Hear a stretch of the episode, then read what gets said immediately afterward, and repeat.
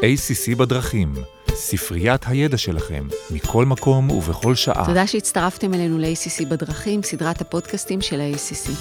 ACC הוא ארגון היועצים המשפטיים הפנימיים בישראל. אני עורכת דין מירב לשם, והיום אני מארחת את עורכת דין רבית קורן פרי ממשרד עורכי דין פירון. רבית היא שותפה במשרד פירון, ליטיגטורית מסחרית ומתמחה בטיפול בתובענות ייצוגיות, שהן בצרכנות, שוויון זכויות, ניירות ערך, התמחות מיוחדת בתחומי הביטוח. מלא. מרבית איתנו היום כי במהלך השנים, אגב ייצוג חברות ביטוח ותאגידים מסחריים בתובענות ייצוגיות מורכבות בתחום ביטוח הסיעוד והבריאות, היא צברה ידע רב בתחום שוויון הזכויות לאנשים בעלי מוגבלות. אנחנו במיני סדרה עם שלושה פרקים, שבמסגרתה רבית תסייע לנו למפות את תחום הנגישות. היום נמפה את הוראות הדין, נדבר על מהו מקום ציבורי, מהו שירות ציבורי, ננסה להבין מהו, מה צריך היועץ המשפטי של חברה להבין.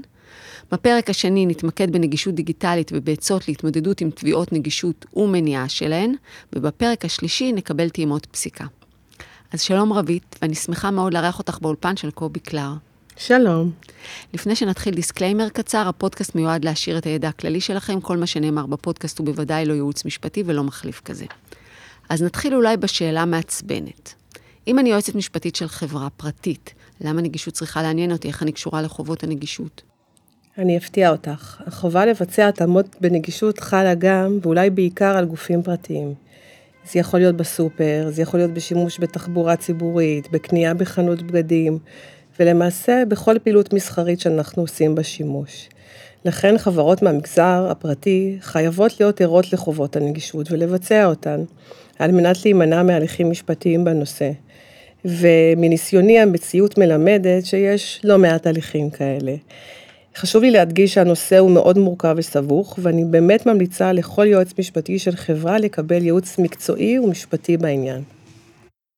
טוב, בכל זאת אנחנו למען היועמ"שים של החברות, ולכן אני מאתגרת אותך במסגרת הזמן הקצרצר שיש לנו, ואנחנו ננסה להציג את עיקרי הדברים, בעיקר מה לעשות ואיך ניתן להימנע ממעורבות כמובן בהליכים משפטיים בנושא.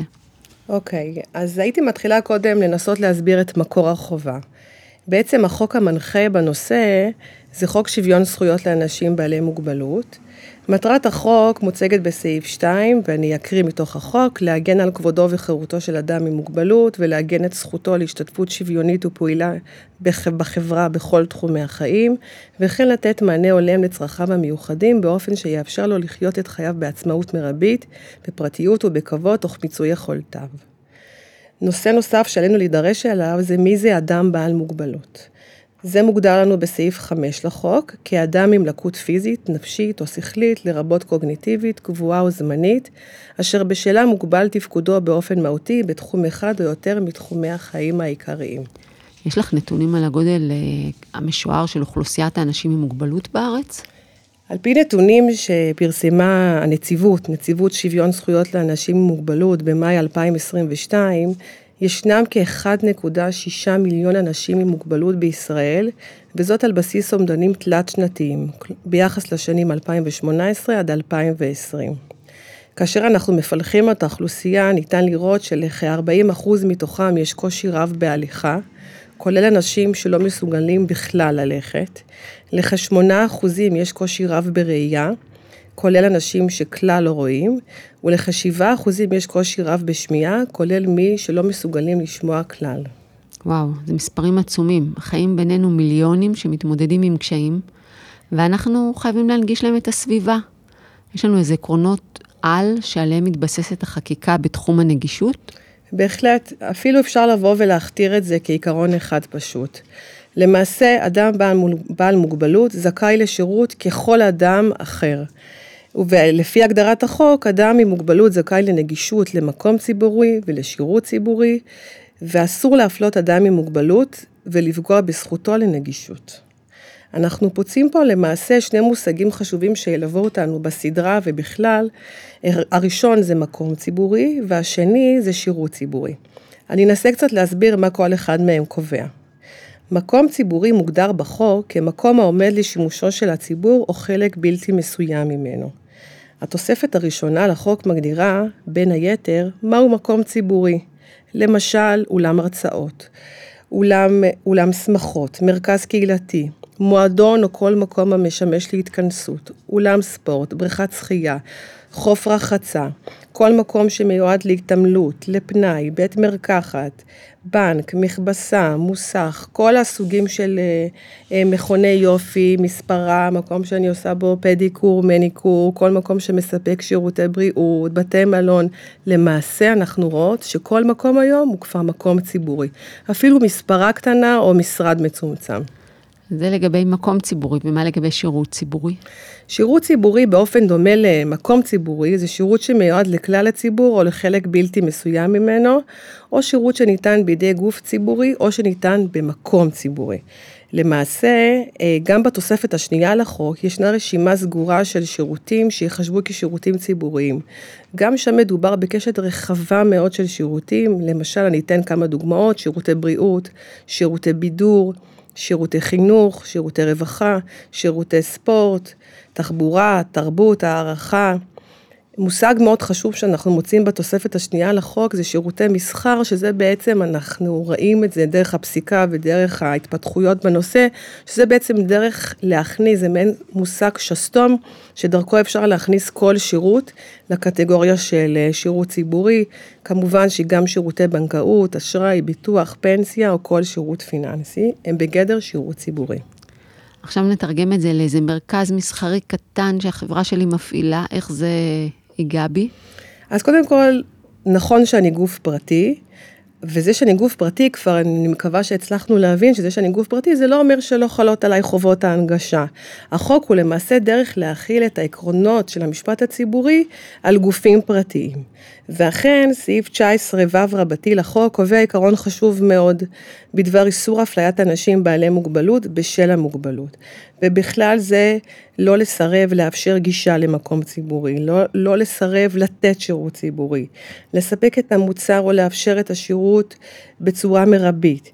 אה, איסור נוסף שחל הוא לא לקבוע תנאי שלא מן המניין שעשוי למנוע או להגביל במישרין או בעקיפין את השימוש בשירות הציבורי או במקום הציבורי.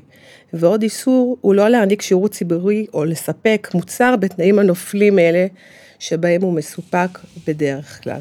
מה זה אומר לגבי מרכז שאני מפעילה, או נגיד רשת חנויות בגדים? זה אומר בפועל שאם למשל אני חנות בגדים, אני צריכה לוודא שיש רמפה. הרמפה בעצם מסייעת לאדם שנע באמצעות כיסא גלגלים להיכנס לחנות. אני צריכה לוודא שיש מעלית. בהיבט של לקויות שמיעה למשל, יש להתקין לולאות השראה שמסייעות להתמודד עם הלקות. תכף אני מיד אגע בנושאים האלה באופן יותר קונקרטי. אז כיצד באה לידי ביטוי אה, למעשה חובת הנגישות? לחובת הנגישות יש המון היבטים, אך ככלל הייתי מחלקת אותה לשני נושאים מרכזיים. החובה הראשונה מתייחסת לנגישות בהיבט הפיזי. זה מה שנקרא בז'רגון של הנגישות, נגישות מטוס, מבנה, תשתיות וסביבה. הנגישות הזאת היא מתייחסת לכל תחומי המבנה והסביבה הדורשים התאמות נגישות, לרבות הנושא של רישוי עסקים, קבלות הקלות ופטורים מסוימים. להיבט הזה מתייחס סימן ג' לחוק. המרכז שלי נבנה אבל בשנות ה-70, איך אני אמורה להנגיש אותו עכשיו? שאלה יפה. יש באמת הבחנה בחוק בין בניין קיים. בניין קיים הוא בניין שההיתר לבנייתו או לשימוש בו כמקום ציבורי ניתן לפני הראשון באוגוסט 2019, לבין מבנה חדש, שההיתר כאמור לגביו ניתן לאחר הראשון לשמיני 2019. כל בניין חדש שנבנה היום חייב לעמוד בתקנים של חוק התכנון והבנייה מבחינת נגישות. לגבי בניינים קיימים, הותקנו תקנות מיוחדות, תקנות שוויון זכויות לאנשים עם מוגבלות, התאמות נגישות למקום ציבורי שהוא בניין קיים, מה שאנחנו נוהגים לכנות תקנות בניין קיים, והתקנות האלה קובעות לוחות זמנים לביצוע התאמות נגישות במבנים קיימים שהורחבו לאחרונה. חשוב לדעת עוד דבר, ביחס לחלוקת האחריות בין בעלים לשוכר, כי יש להבחין בין התאמות נגישות הדורשות היתר בנייה, שאז הן יחונו על הבעלים, לבין פעולות שאינן דורשות היתר בנייה, שתחולנה על המחזיק או על המפעיל של המקום הציבורי. למשל השוכר. זה נושא בפני עצמו, אה, שיש להידרש אליו באמצעות סיוע של מורשה נגישות מוסמך. אה, ישנה רשימה אה, באתר נציבות שוויון זכויות לאנשים בעלי מוגבלות, ואני באמת ממליצה להסתכל ולבדוק את הנושא הזה לעומק. החנות לא עובדת לי טוב, וגם הנגישות הקשתה עליי את החיים, אז החלטתי שאני מקימה רשת של שיעורים פרטיים לתלמידים בתיכון ללימוד מתמטיקה. אני צריכה לבדוק משהו לפני שאני מפרסמת? בוודאי. החובה השנייה, ובה אני אתמקד היום, היא נוגעת לנגישות של השירות הציבורי. שזה שורה של חובות מאוד חשובות ומרכזיות. וגם לשם כך הותקנו תקנות ספציפיות, תקנות שוויון זכויות לאנשים עם מוגבלות, התאמות נגישות לשירות, מה שאנו מכנים תקנות נגישות השירות. התקנות מכילות שורה ארוכה של חובות שעל מי שמעניק שירות ציבורי לעמוד בהן. אני אנסה להציג את החובות המרכזיות. העיקרון המרכזי זה מתן שירות לאדם בעל מוגבלות תוך שמירה על כבודו ופרטיותו, באופן שיאפשר לו את קבלת השירות בעצמאות, בבטיחות, באופן שוויוני וכחלק בלתי נפרד מן השירותים הניתנים והמיועדים לכלל הציבור ולא בנפרד מהם. זאת אומרת שאדם בעל מוגבלות צריך להרגיש שווה בין שווים. נושא שני זה איסור דרישת תשלום בעד ההתאמות. אני בתור גוף פרטי שחלה עליי חובת ההנגשה, אסור עליי לדרוש תשלום מאדם בעל מוגבלות בשל העלויות או ביצוע התאמות הנגישות שנדרשתי לעשות מכוח הדין. עיקרון שלישי זה איסור התניית שירות בהצגת תעודות. שוב, אסור לי לגבות תשלום וגם אסור לי להתנות את עצם מתן השירות בהצגת תעודה המעידה על מוגבלותו של האדם. יש חריגים לכך בחוק, אני מיד אתן דוגמה. חשוב לדעת שאם יש אדם בעל מוגבלות שמסתייע בחיית שירות, למשל עיוור שמסתייע בכלב אה, נחייה, יש לבצע התאמות בנוהלי השירות, ההליכים שלו והנוהגים שלו, כך שאדם עם מוגבלות יוכל להשתמש בשירות הציבורי תוך הסתייעות בחיית שירות. אם לא מדובר בכלב, אז על האדם עם המוגבלות להציג למעשה תעודה או סימן שהיא תיתן אינדיקציה לכך שהחיה היא חיית אה, שירות. זאת אומרת שעם כלב אני יכולה להיכנס לכל מקום, אמת. כמו שרואים את כל הלברדורים. נכון, נכון, ואסור גם uh, להתנות את זה, אסור, להציר, אסור לי לבוא ולומר תראי לי תעודה, זה החובה המתבקשת לפי התקנות עצמן. Uh, בתור אדם בעל מוגבלות, גם ח... מותר לבוא ולהסתייע במלווה. Uh, התקנה 14 אפילו קובעת גם פטור מתשלום למלווה של אדם עם מוגבלות במקומות ציבוריים מסוימים. עוד אה, זכות שיש לאדם בעל מוגבלות, ואני מניחה שכולנו ראינו את זה בקונסטלציות כאלה ואחרות, שזה מתן שירות מבלי להמתין בתור, אלא אם כן התור הוא בעצם במכונית, אה, בישיבה, למשל בכניסה לגן לאומי או לתחנת אה, דלק. אה, ובעצם האחראי למתן השירות, לספק את השירות מבלי לדרוש המתנה בתור. ופה יש חריג שכן מותר לבקש להציג תעודה שמציינת את, ה, את הזכאות הספציפית אה, לפטור הזה ואת סוג המוגבלות. אני יכולה לתת דוגמה, למשל, אה, אדם עם מוגבלות נפשית, אדם שזכאי לגמלת שירותים מיוחדים, וגם ניצולי שואה נכנסים לקטגוריה הזאת. נושא חשוב נוסף ש... יש להידרש אליו, לצערנו, במדינה שלנו, זה גם להתאים את נוהלי הפינוי והחילוץ בחירום לאדם בעל מוגבלות, כדי להבטיח שהפינוי יהיה מיטבי גם עבור אדם בעל מוגבלות. זאת אומרת, גם בהיבט של הנגישות הפיזית, וגם כמובן אה, לדעת, לוודא שהמידע מועבר לאדם בעל מוגבלות באופן יעיל ושוויוני. אה, האמת שרואים את זה גם, אה, יש הורים לילדים שיש להם קשיים וצריך לתת להם את, ה, את האפשרות אה, לקבל שירות כמו כל אחד, ואת רואה את זה הרבה בתורים, שאנשים... נכון, בסופרים, נכון. כן. שאנחנו נתקלים בזה, ולמה הוא עקף אותי, ונאלצים באמת להתמודד עם סיטואציה לא נעימה של להציג את התעודה. וחוץ מתקנות נגישות השירות, יש איזה עוד הוראות שכדאי ליועמ"שים להיות מודעים להן? בהחלט. אה, פרק ד' לתקנות הוא פרק חשוב מאוד, מכיוון שהוא עוסק בהתאמות נגישות שיש לבצע במקום שבו ניתן אה, השירות הציבורי, אני יכולה לתת מספר דוגמאות. נראה לנו אולי טריוויאלי, אבל דבר מאוד חשוב זה לוודא שיש נגישות במעברים. למשל, לוודא שהפרטי ריהוט מוצבים בצורה אה, ראויה, כדי שלא תהיה חסימה לאדם בעל מוגבלות. יש תקן מסוים, בספציפי תקן ישראלי 1918, חלק 3.2, שממש נותן הנחיות בעניין. נושא נוסף זה התאמות בשלטים, כלומר שיהיה לנו שילוט ברור שיראה מה הכניסה הנגישה, איפה יש מקומות חנייה, עמדת מודיעין, אה, מעלית, מדרגות, אה, בתי שימוש, כל דבר. בנוסף, גם אם יש חדר או אולם שמותקנות בהם מערכות עזר קבועות לשמיעה, חשוב מאוד להתקין את הסמל הבינלאומי לשירות נגיש לבעלי לקויות שמיעה. אה, גם פה אגב יש הבחנה בין בניין קיים לחדש, ואני בעצם, אה, הכל מפורט בתקנה 16, ואני מפנה אתכם אה, להסתכל ולבדוק את זה. נושא חשוב מאוד זה נגישות במעלית. ופה חשוב לזכור שלא מספיק שיש מעלית, גם צריך לוודא שהמעלית עצמה היא תהיה נגישה. למשל, כתב ברייל על גבי סימון הקומות, שגם אדם עיוור יוכל לבחור את הקומה שמתאימה לו.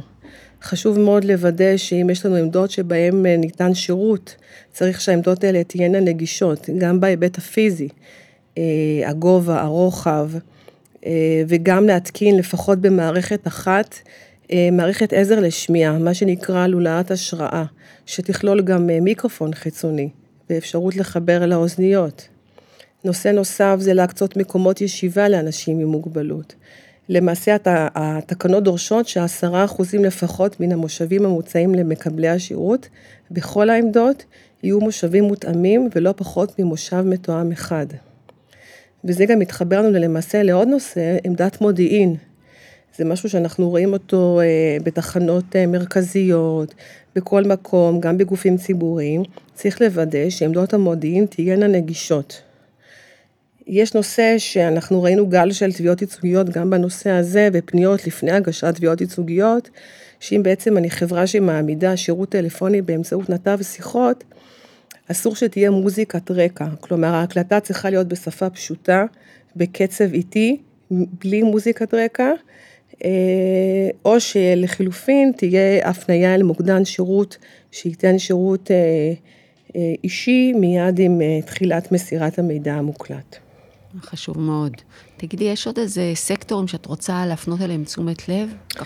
נוסף לחובות הכלליות, יש התאמות נגישות ספציפיות שנוגעות לסקטורים מסוימים. למשל, כל מה שקשור לרשתות אופנה או מכוני כושר. לפי תקנה 24 לתקנות נגישות השירות, על חייב המספק שירות שנדרשת בו החלפה או מדידה של בגדים כחלק מן השירות, לספק בכל אחד מן המפלסים שמובילה להם דרך אה, נגישה ושקיימים בהם תאי מדידה, לוודא שהתאי מדידה יהיו, יהיו נגישים. גם פה בעצם התקנות מפנות לתקן 1918, חלק 3.2. עוד נושא של שירות מיוחד וספציפי זה למשל אה, כל המכונות שאנחנו מכירים משירות אוטומטי, למשל כספומטים, למשל מכונות שתייה. גם פה חשוב שהשירות יסופק כך שהמכונות תהיינה נגישות לשימוש באופן עצמאי על ידי אנשים עם מוגבלות. בעצם זה שזה מדבר, אז זה, זה בעצם הנגישות. נכון. זה יכול לדבר, אבל מצד שני מישהו שיש לו לקות שמיעה, צריך להתאים, להתאים את המכונה, את גם כן. שזה נכון. אז יש לנו באמת מגוון של מוגבלויות ומגוון של שירותים, וההתאמות הן צריכות להיות uh, ספציפיות ומיוחדות לכל מקרה ומקרה. Uh, מעניין לדעת, uh, בתור עורכי דין, אנחנו נתקלים בזה אולי מהיבט אחר של קושי שלנו בלסחוב את המזוודות, אבל גם בתי משפט צריכים להיות מונגשים. מונגשים uh, גם בהיבט הפיזי, וגם בהיבטים, וזה גם חשוב שנכיר את זה כלפי לקוחות שלנו, למשל עד, שהוא אדם בעל מוגבלות שצריך למסור עדות בבית משפט. יש התאמות נגישות שגם על מערכת בתי המשפט לבוא ולבצע. זה גם חל למעשה בטפסים רשמיים, כמו טופס אישור על פתיחת תיק, טופס אה, הזמנה לדיון, טופס הזמנת עדים, ממש שניתן לציין בטפסים האלה את העניין של המוגבלות ואת הזכות לבוא ולבקש התאמות נגישות. אה, עוד נושא שאני יכולה לתת אותו כדוגמה זה גם התאמות בשירותי מסחר, אמרתי קודם שבעצם שירותי מסחר זה ככה מושג שסתום וזה דרך להכניס את השירות הציבורי כלימת אה, כלפי כל גוף. אם יש לי עכשיו אה, לקוח שבא ואומר, אני צריך עזרה כזו או אחרת, אני צריך עזרה, ב... אפילו נכונות בגדים, אני צריך עזרה שמישהו יעזור לי להעביר את הבגדים לקופה, אני צריך עזרה בלהעמיס את הדברים לרכב, קיימת את החובה לבצע את ההתאמות הנדרשות בצורה יפה מאוד. ויש עוד הוראות ספציפיות, למשל לגבי שירותי ערוכים בפני קהל, שזה סימן ט' לתקנות, או נגישות לתערוכות ולמר... ולמרכזי מבקרים, סימן י' לתקנות, ועוד הרבה. אנחנו מתקרבות עוד מעט לסוף הפרק, ותכף נגמר לנו הזמן, אבל לפני סיום, מה היית מייעצת ליועץ משפטי של חברה לעשות? תראי, מירב, אה, אני רואה את זה, ואנחנו גם רואים את זה בפנקס התובנות הייצוגיות, באמת יש גל של תביעות ייצוגיות בנושא הנגישות. אה, העובדה היא שנכון לעתה, הבקשות האלה הן פטורות מתשלום אגרה. וייתכן שזה מהווה בין היתר אה, כר פורה להגשות תביעות מן הסוג הזה. ובאמת אין שבוע שבו לקוח כזה או אחר לא פונה אליי או למשרד שקיבל תביעה ומבקש עזרה ואיך להתמודד.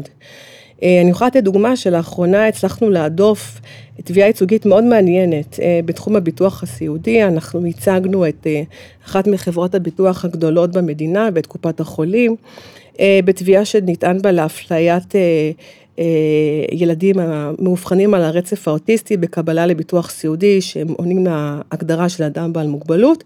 ובמקרה הספציפי הזה הצלחנו להוכיח שיש הגנה ספציפית שחלה מכוח סעיף 19 ל"ה לחוק. בתחום הביטוח אה, והבקשה באמת אה, נדחתה, עכשיו זה בעצם עומד למבחן של בית המשפט העליון. אה, אני אישית מטפלת בעשרות תביעות ייצוגיות בתחום הנגישות, יש גם פניות מוקדמות, זה באמת נושא מאוד בוער. הצעד הראשון לפי דעתי זה מודעות. מי שעכשיו מאזין לנו כבר עשה את החלק החשוב. אה, ועכשיו בעצם צריך לבוא ולבדוק. א', להתייעץ עם עורכי דין מומחים בתחום, לבצע סקר נגישות בידי מורשה נגישות מוסמך, אה, לראות אם יש לי חובה למנות רכז נגישות במידה ומספר העובדים בארגון שלי עולה על 25, לבצע הדרכות לעובדים ולפתח תוכנית עבודה.